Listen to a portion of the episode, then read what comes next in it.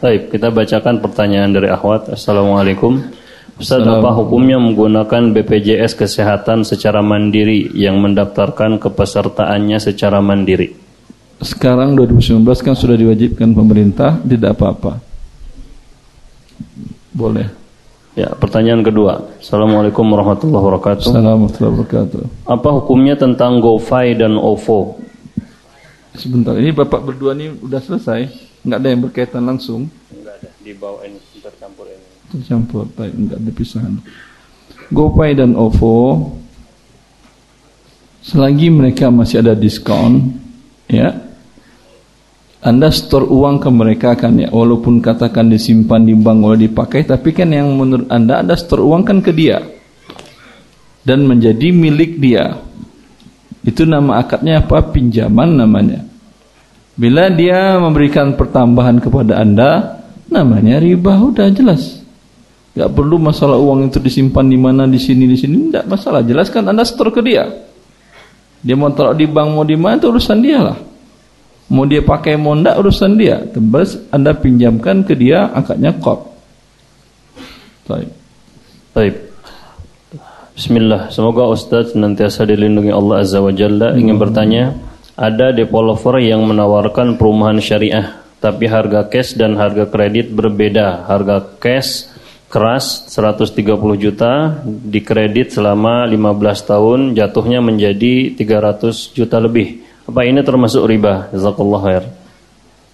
Ini pertanyaan yang paling dis, dita, paling sering ditanyakan oleh kaum muslimin ya menurut mereka dan memang ada sebagian ulama ada satu dua ulama yang mengatakan seperti ini tidak boleh. Tapi pendapat ini tidak kuat atau lemah atau merjuh. Ya. Karena harga tunai dengan harga satu tahun dengan harga dua tahun sampai lima belas tahun pada saat di awal Ya, Anda katakan ini berapa harganya? Kata dia 150 juta kalau cash. Setahun tambah aja 10 persen. 10 tahun tambah 100 persen, 300 juta. 15 tahun tambah 50 persen lagi. 300, 300 berapa? 375, ha? Ya atau tidak? 370 juta. Ya udah. Dia hanya bilang ya udah saja. Bapak mau beli tidak? Saya tidak beli. Ada akad di sini? Tidak ada. Ada satu dua akad, tidak ada akad malah. Paham? Terus dari mana haramnya? Enggak ada akad. Kalau dia katakan saya mau tunjuk yang ini kata dia. Yang 10 tahun. Harganya berapa tadi? 300 juta. Sekarang harganya 1 2 3 4 banyak atau berapa harganya? satu yaitu 300 juta dengan pembayaran selama 10 tahun. Ada dua harga di situ? Tidak. Yang ada banyak penawaran harga tetapi akadnya satu harga. Kira-kira bank syariah berani tidak terima kalau ada yang beli, akhi Pak Fitrianov karena saya kenal antum, saya pengen akadnya seperti ini. Baik Ustaz. Mungkin saya satu tahun, mungkin dua tahun, mungkin tiga tahun, mungkin sepuluh tahun, mungkin juga besok saya bayar tunai. Berapa harga Pak Patriano? Coba jawab, berapa harganya? Jawab, coba, coba jawab. Pakai mic, pakai mic. Biar antum semangat belajar. Hah. Tidak ada akad Pak kalau begitu. Ini tidak mungkin lah, paham tuh? Saya mau jual berapa kantor Ustaz? Ya berapa aja yang saya setujui. Ini kan gharar atau tidak? Ghararnya besar. Dan nggak ada juga di dunia orang berakad seperti itu. Paham? Lalu maksud larangan dari situ bagaimana? Bila terjadi akad ya udah saya setuju. Biasanya kalau dikatakan setuju tentu diambilnya yang tunai. Ya atau tidak? Iya atau tidak? Saya setuju berarti yang tunai. Hitungan yang paling cepat. Ternyata dia molor setahun ke tanah. Setahun berarti 110 bayar 10 juta lagi. Dan tambah 10 persen. 15, maaf 15 juta 150 tadi ikannya. Di sini terjadi riba. Paham antum itu? Baik. Baik, kita bacakan sebentar. Assalamualaikum warahmatullahi wabarakatuh. Saya bertanya, kalau saya sudah ada rumah tapi masih KPR, tidak syariah. Kurang lebih masih tujuh tahun lagi. Sekarang ada keinginan untuk KPR syariah. Tabungan saya baiknya buat melunasi yang dulu atau DP yang KPR syariah. Eh, bila seorang terlibat perbuatan dosa, sebaiknya bertobat kepada Allah secepatnya. Bagaimana cara bertobat dari riba? Allah mengatakan, "Faman ja'ahu mau'izatun min rabbih fantaha." Siapa yang datang kepadanya peringatan Allah mengharamkan riba, lalu dia berhenti. Apa artinya berhenti? Diputuskan akadnya dengan bank riba tadi. Bagaimana cara memutuskannya? Kalau bisa anda minta bahwa saya hanya bayar pokoknya aja Dulu saya terima 100 juta, saya bayar 100 juta Tanpa ada pertambahan Tentu dia tidak mau kan ya Maka cara cara bertobatnya hanya anda bayar tunai Seluruhnya sudah selesai akad riba anda dengan dia. Jelas itu lebih penting daripada anda bikin akad Walaupun syariah yang baru. Selesaikan dulu riba anda Bertobat kepada Allah Ya, setelah itu mungkin Anda jual rumah Anda tadi kalau ingin lebih dekat dengan kawasan yang lebih islami, Anda beli setelah itu ya dengan tunai mungkin lebih baik. Wallahu a'lam. Dan minta kepada Allah untuk memudahkan urusan kita. Karena dalam kondisi keuangan sekarang repot juga menjual rumah dengan cara tunai seperti tadi. Ya, betul. Kepada penanya dari laki-laki, silakan. Bismillah. Assalamualaikum Ustaz.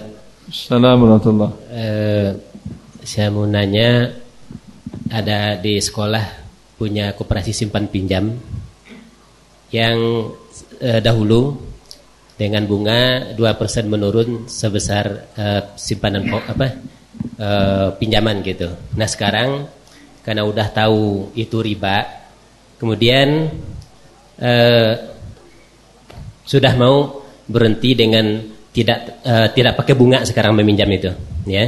Cuman ada biaya administrasi.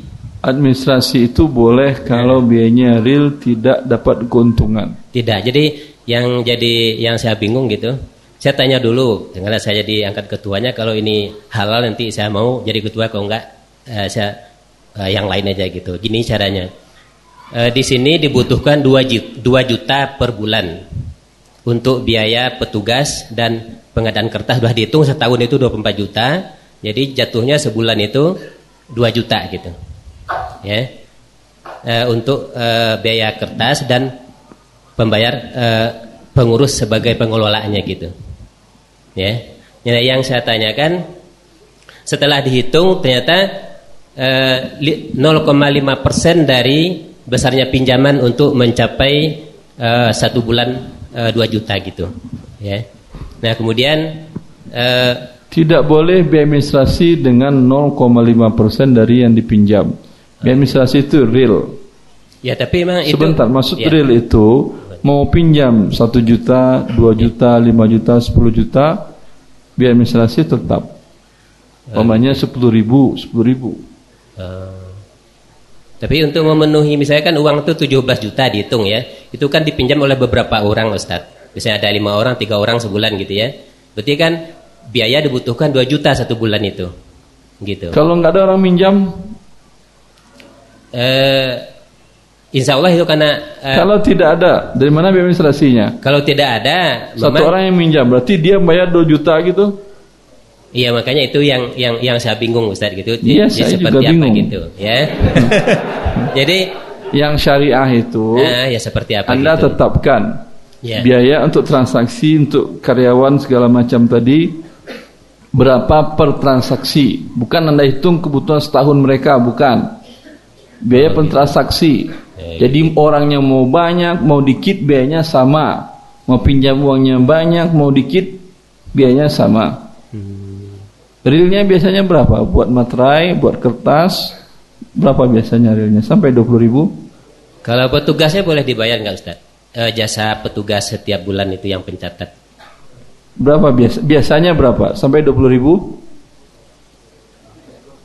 Realnya 20 ribu, netnya 20 ribu udah, tetapkan 20 ribu.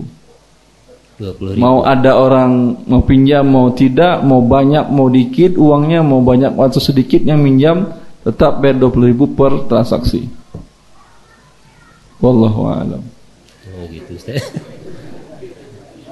Tapi kalau sedikit lagi Ustaz, bagaimana kalau biaya itu eh, jasa ini jatuhnya ya, jasa itu dicicil oleh orang yang meminjam itu misalnya 20 saya, ribu nyicil juga. ya misalnya gitu ya, saya bayar dua dua kali gitu misalnya, Eh, boleh nggak gitu jasa Boleh. gitu? Oh, boleh. Ya gitu aja Ustaz. Allah Ya, Assalamualaikum wabarakatuh. Pertanyaan berikutnya. Assalamualaikum warahmatullahi wabarakatuh. Assalamualaikum warahmatullahi wabarakatuh. Barakallahu fiik Ustaz. Allah barik fiik. Ustaz, eh, begini, sebelumnya saya 14 tahun kerja di jasa keuangan dan sudah 2017 sudah hijrah Ustaz. Karena latar latar belakang saya selama 14 tahun ini di jasa keuangan dalam arti leasing beberapa kali lamar kerjaan itu selalu karena ke- pengalamannya 14 tahun di jasa keuangan tidak jauh-jauh dari jasa keuangan. Nah, yang, Yang ri- karena pengalamannya riba yang enggak jauh-jauh dari riba juga. Iya, Gitu. betul Ustaz gitu. Hmm. Pak, Yang Jangan- ingin bisa diadopsi dia. Maksudnya bisa di Ustaz yang ingin saya Ajukan ke beliau siapa tahu ada rezeki antum. Ya. Ustaz yang ingin saya tanyakan, andai kata saya bukan di tempat yang riba, tapi dengan syarat harus motong jenggot atau mungkin di bank yang syariah. BNI Syariah beliau panjang jenggotnya nih. Ha. Ya. Mungkin hampir sama dengan antum. Atau di bank syariah atau di jasa yang sifatnya syariah gitu, apakah itu itu masuk dalam kebutuhan hidup dariat sama hajiat Ustaz? Dororiyat maksud antum. Dariat sama hajiat Ustaz. Sebentar. Kan negara kita itu ada namanya HAM. Bahkan ada kementerian tersendiri, ya atau tidak? Anda bekerja pakai jenggot memang. Kalau akuntan umpamanya, dia nyetik pakai jenggot atau pakai tangan? Lihat laporan keuangan pakai jeng- jenggotnya yang bekerja atau tangannya? Tentu pakai tangan Ustaz, tapi Ya udah, apa hubungan dengan jenggot saya? Bilang ke atasan Anda, saya adukan Anda ke HAM. Benar. Ini pelanggaran HAM namanya ini. Paham antum? Udah dia kau bilang HAM udah udah diam diam. saya Oh, jadi tidak masuk dalam kebutuhan itu, Sebentar, dia. saya kenal ikhwan. Antum jangan takut untuk taat kepada Allah itu. Karena Allah pemilik langit dan bumi. Cuman cari celah-celah yang nakut-nakutin mereka tadi. Ya mereka tidak takut dengan Allah, dengan HAM mereka takut. Saya ada teman beliau PNS senior dan kepala bidang di ring 2 dia. Di Rungga Wapres. Dulu dia belajar di saya 2013 pelatihan. Penampilannya jenggotnya sama panjangnya dengan antum. Cingkrangnya tinggian dia mungkin dari antum. Saya bilang Anda di ring 2 begini penampilan nggak bermasalah Pak. Pernah Ustaz dipermasalahkan oleh atasan saya kepala kepala rungga panggil saya ketika dia tanyakan seperti itu saya jawab Pak ini masalah HAM Pak kalau Bapak tetap menanyakan ini Bapak akan saya gadukan ke HAM kata dia "Shh." jelas Iya, maksud saya gini Ustaz. Biasa kalau di Kalau di antum bilang ini haram nih segala macam dia nggak mau dengar. Dia ke HAM udah selesai urusannya. Oh, iya. Maksud saya Ustaz, ketika Kan nggak ada aturan PNS tidak boleh berjenggot, tidak boleh cingkrang, nggak ada aturannya. Iya. Maksud saya Ustaz, ketika interview kita cukur jenggot dulu nanti sudah masuk baru kita panjangin bisa Ustaz. Anda mau cari rezeki Allah atau mau cari murka Allah? Oh ya rezeki Allah. Nah udah selesai urusannya. Syukran Ustaz. Jazakallah. Pertanyaan berikutnya. Tunjukin baik-baik nggak mau ya udah. Ah, Assalamualaikum warahmatullahi wabarakatuh. Assalamualaikum warahmatullahi wabarakatuh. Ustaz, eh, saya sedang belajar usaha untuk terbebas dari lingkungan lama saya yang bekerja di tempat riba. sekarang itu saya belajar usaha dengan membuka warung makan dengan sistem bagi hasil. Nah, saya di sini berlaku sebagai uh, pengelola, sedangkan saya amalnya uh, saudara saya. Nah itu uh, investornya saudara anda. Ya, investornya saudara saya. Anda pengelolanya. Saya pengelola. Terus? Nah saya itu sudah berjalan kira-kira setahun lebih karena waktu itu saya belum paham cara bagi hasil, jadi eh, dari modal yang diberikan itu saya gunakan untuk membuka usaha mulai sewa tempatnya yang paling mahal sewa tempat peralatan kemudian eh, persediaan awal. Nah itu eh, karena kesepakatannya waktu itu saya belum paham jadi dibuat kesepakatan di mana ada hasil tiap bulan itu. Dari hasilnya itu disisihkan katanya untuk biaya sewa eh, tahun berikutnya kemudian untuk tabungan THR dan untuk penyusutan dan sebagainya Nah sedangkan saya pernah dengar ceramah Ustadz bahwa yang namanya bagi hasil itu harus modalnya dulu kembali semua, baru hasilnya dibagi. Sementara dengan sistem seperti itu kan kalau untuk uh, usaha rumah makan seperti ini kan kembali modalnya lama Ustadz. Jadi saya waktu itu membagi hasil langsung tiap bulan. Jadi setelah dikurangi biaya sewa untuk tahun ke depannya dan biaya tabungan yang punya modal setuju. Setuju. Nggak ada masalah. Ini bukan bagi hasil namanya. Anda makan uang investor. Kalau dia setuju ya alhamdulillah. Jadi nggak apa-apa Ustaz nggak apa-apa. apa-apa. Ini namanya akadnya berubah jadi ijarah. Anda disewa dia bukan bagi hasil. Kalau yang bagi hasil itu adalah setelah selesai dilihat kalau dapat modal modal setelah kembali baru ada yang dibagi. Kalau oh, iya. kurang modalnya tidak ada yang dibagi. Tapi ini dia, dia sudah setuju membagi langsung, ya. bukan bagi hasil lagi nama ya. akadnya tapi boleh. Ya. Jadi Karena waktu, akad itu bukan namanya yang penting, hakikatnya. Ya. Bila tidak ada yang dilanggar, hukum asalnya adalah boleh. Oh ya, jadi memang dari awal itu e, kelebihan dari biaya-biaya itu kita langsung bagi dua Ustaz dan itu besarannya apakah boleh e, sesuai kesepakatan misalkan 50 Sesuai 50. kesepakatan. Oh ya. Ya. ya terima kasih syukur. Allah barik Kita bacakan pertanyaan dari Ahwat terlebih dahulu. Ya. Kita akan uh, berhenti sampai jam 12 kurang 5 kira-kira. Ustadz boleh tidak membuka usaha travel untuk jalan-jalan ke negeri kafir?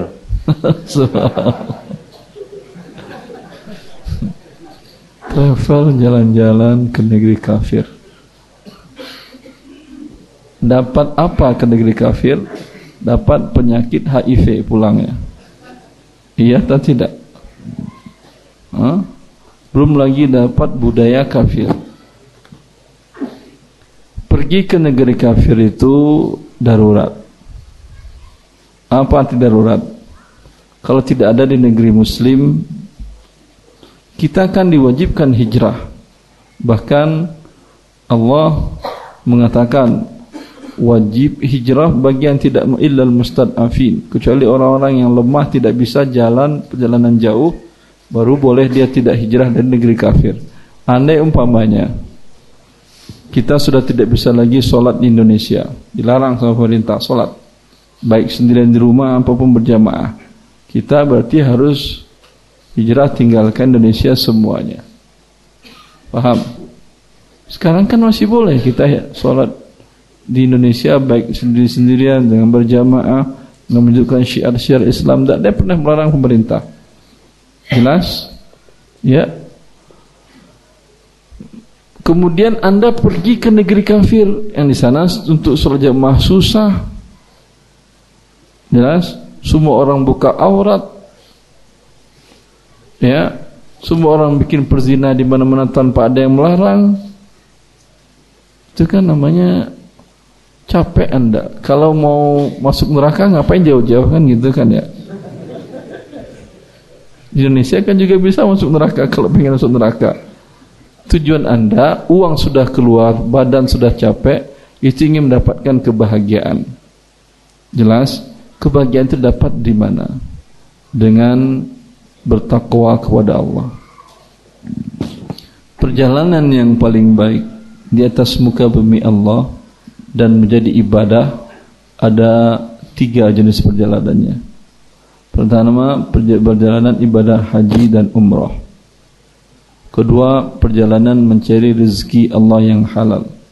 Ketiga, perjalanan berjihad fi sabilillah. Kalau ada travel yang ngirimin Anda mau jihad ke Afghanistan, kirimin oleh dia pakai travel dia. Ini travelnya bagus. Masalah berhubungan dengan bin itu bukan urusan kita. Hah? Ada orang yang travel mencarikan rezeki tempat-tempat bekerja di dunia ya, di, di luar negeri yang halal tempatnya, halal pekerjaannya, ya, dan halal gajinya. Besar angkanya. Ini bagus. Ya, atau travel umroh dan haji ini boleh. Dan di sana terletak rasa kebahagiaan itu di sana. Bukan sekedar melancong sana, melancong sini. Tidak ada bahagianya, lelah badan anda malah. Rusak tubuh anda. Apalagi jauh dari keluarga dan istri dan dari orang tua. Karena safar itu adalah kit'atun minal azab. Namanya perjalanan jauh itu merupakan azab siksaan. Kapan berarti boleh melakukannya? Ketika tadi. Bila ada tujuan untuk mencari keriduan Allah Azza wa Jalla. Pertanyaan terakhir mungkin dari Bapak, silahkan. Setelah ini kita selesai kajiannya dan kita tutup. Baik, terima kasih. Assalamualaikum warahmatullahi wabarakatuh. Assalamualaikum warahmatullahi wabarakatuh. Ustaz ada beberapa pertanyaan. Yang pertama Ustaz mau nanya tentang Anda ini dapat pinjaman CSR Ustaz, PKBL dari perusahaan BUMN. Nah, di sana dapat pinjaman CSR. CSR. PKBL istilahnya uh, apa dari per, apa perusahaan BUMN seperti Pertamina uang ke Anda. ya, kepada pelaku usaha tadi. Pelaku salah usaha satunya nah, dengan dikembalikan pokok tambah pertambahan. Tanpa pertambahan tapi tanpa. tanpa Ustaz. Nah, diterima satu miliar kembali semiliar kurang. Tak yang mau anda tanyakannya adalah ada administrasi tadi tadi tiga persen itu digunakan tiga persen bukan administrasi namanya untuk pelatihan Ustaz. Untuk pelatihan jadi si CSR ini si perusahaan ini meng, apa, mengadakan pelatihan-pelatihan seperti uh, bagaimana melakukan produksi yang baik dan lain sebagainya. Nah itu dananya diambil dari itu juga gitu Ustaz. Tidak Apakah boleh. boleh tidak? Tidak boleh ini adalah menggabungkan pinjaman dengan akad sewa jasa. Rasulullah melarang menggabungkan pinjaman dengan jual beli. Ya. Pinjamkan satu miliar, Mau ikut boleh, berbayar, nggak mau ikut juga nggak ada masalah. Tidak mesti dipaksakan. Ini berarti dipaksakan berarti menggabungkan dua akad yang Rasulullah melarang penggabungan dua akad seperti ini. Baik, Pak. Yang kedua, kalau one prestasi menurut secara apa syariat itu apa maksudnya berapa lama boleh tiga bulan kah atau bagaimana dan sebagainya itu bagi pada waktu yang disepakati dengan si pembeli dengan pihak yang berhutang tidak nunggu satu bulan tiga bulan. Setengah hari dua jam aja dia terlambat mau tutup kantor atau saya mau tidak ada di rumah. Ya saya bilang di hari tanggal itu saya hanya ada di rumah sampai zuhur. Terlambat dia lima menit ya one prestasi namanya dia. Baik Ustaz, jazakallahu khair. Ya alhamdulillah kita mendengarkan tadi pemaparan ilmiah. Ada yang mau disampaikan oleh Pak Fitri Langsung ya. Sama Pak. Ya mungkin ditutup dulu dari sesi panjaya kajian dan juga tanya jawab dan mohon maaf ada beberapa pertanyaan yang tidak bisa kami sampaikan dan dijawab oleh Ustadz karena terlalu banyak dan waktunya terbatas. Uh, ada yang disampaikan dari pihak BNI Syariah? Ya. Silakan. Ya, Baik, um, terima kasih atas kesempatannya. Uh, untuk saya sebetulnya terima kasih uh, sudah diundang uh, kepada pada acara peresmian perumahan Albayan juga peresmian gedung STIQ STIQ uh, Albayan. Uh, kemudian juga kebetulan datang Ustadz Erwandi sehingga uh, saya selaku praktisi di Bank Syariah Eh, menambah ilmu jadinya Pak gitu. Buat saya pribadi terima kasih. Uh, kemudian juga mudah-mudahan uh, kami bisa istiqomah uh, menjadi bank yang tidak hanya label syariah saja tapi memang betul-betul menuju syariah itu bisa menuju syariah itu uh, tentunya butuh dukungan dari segala pihak itu saja mungkin terima kasih. Uh, Assalamualaikum warahmatullahi wabarakatuh. Assalamualaikum.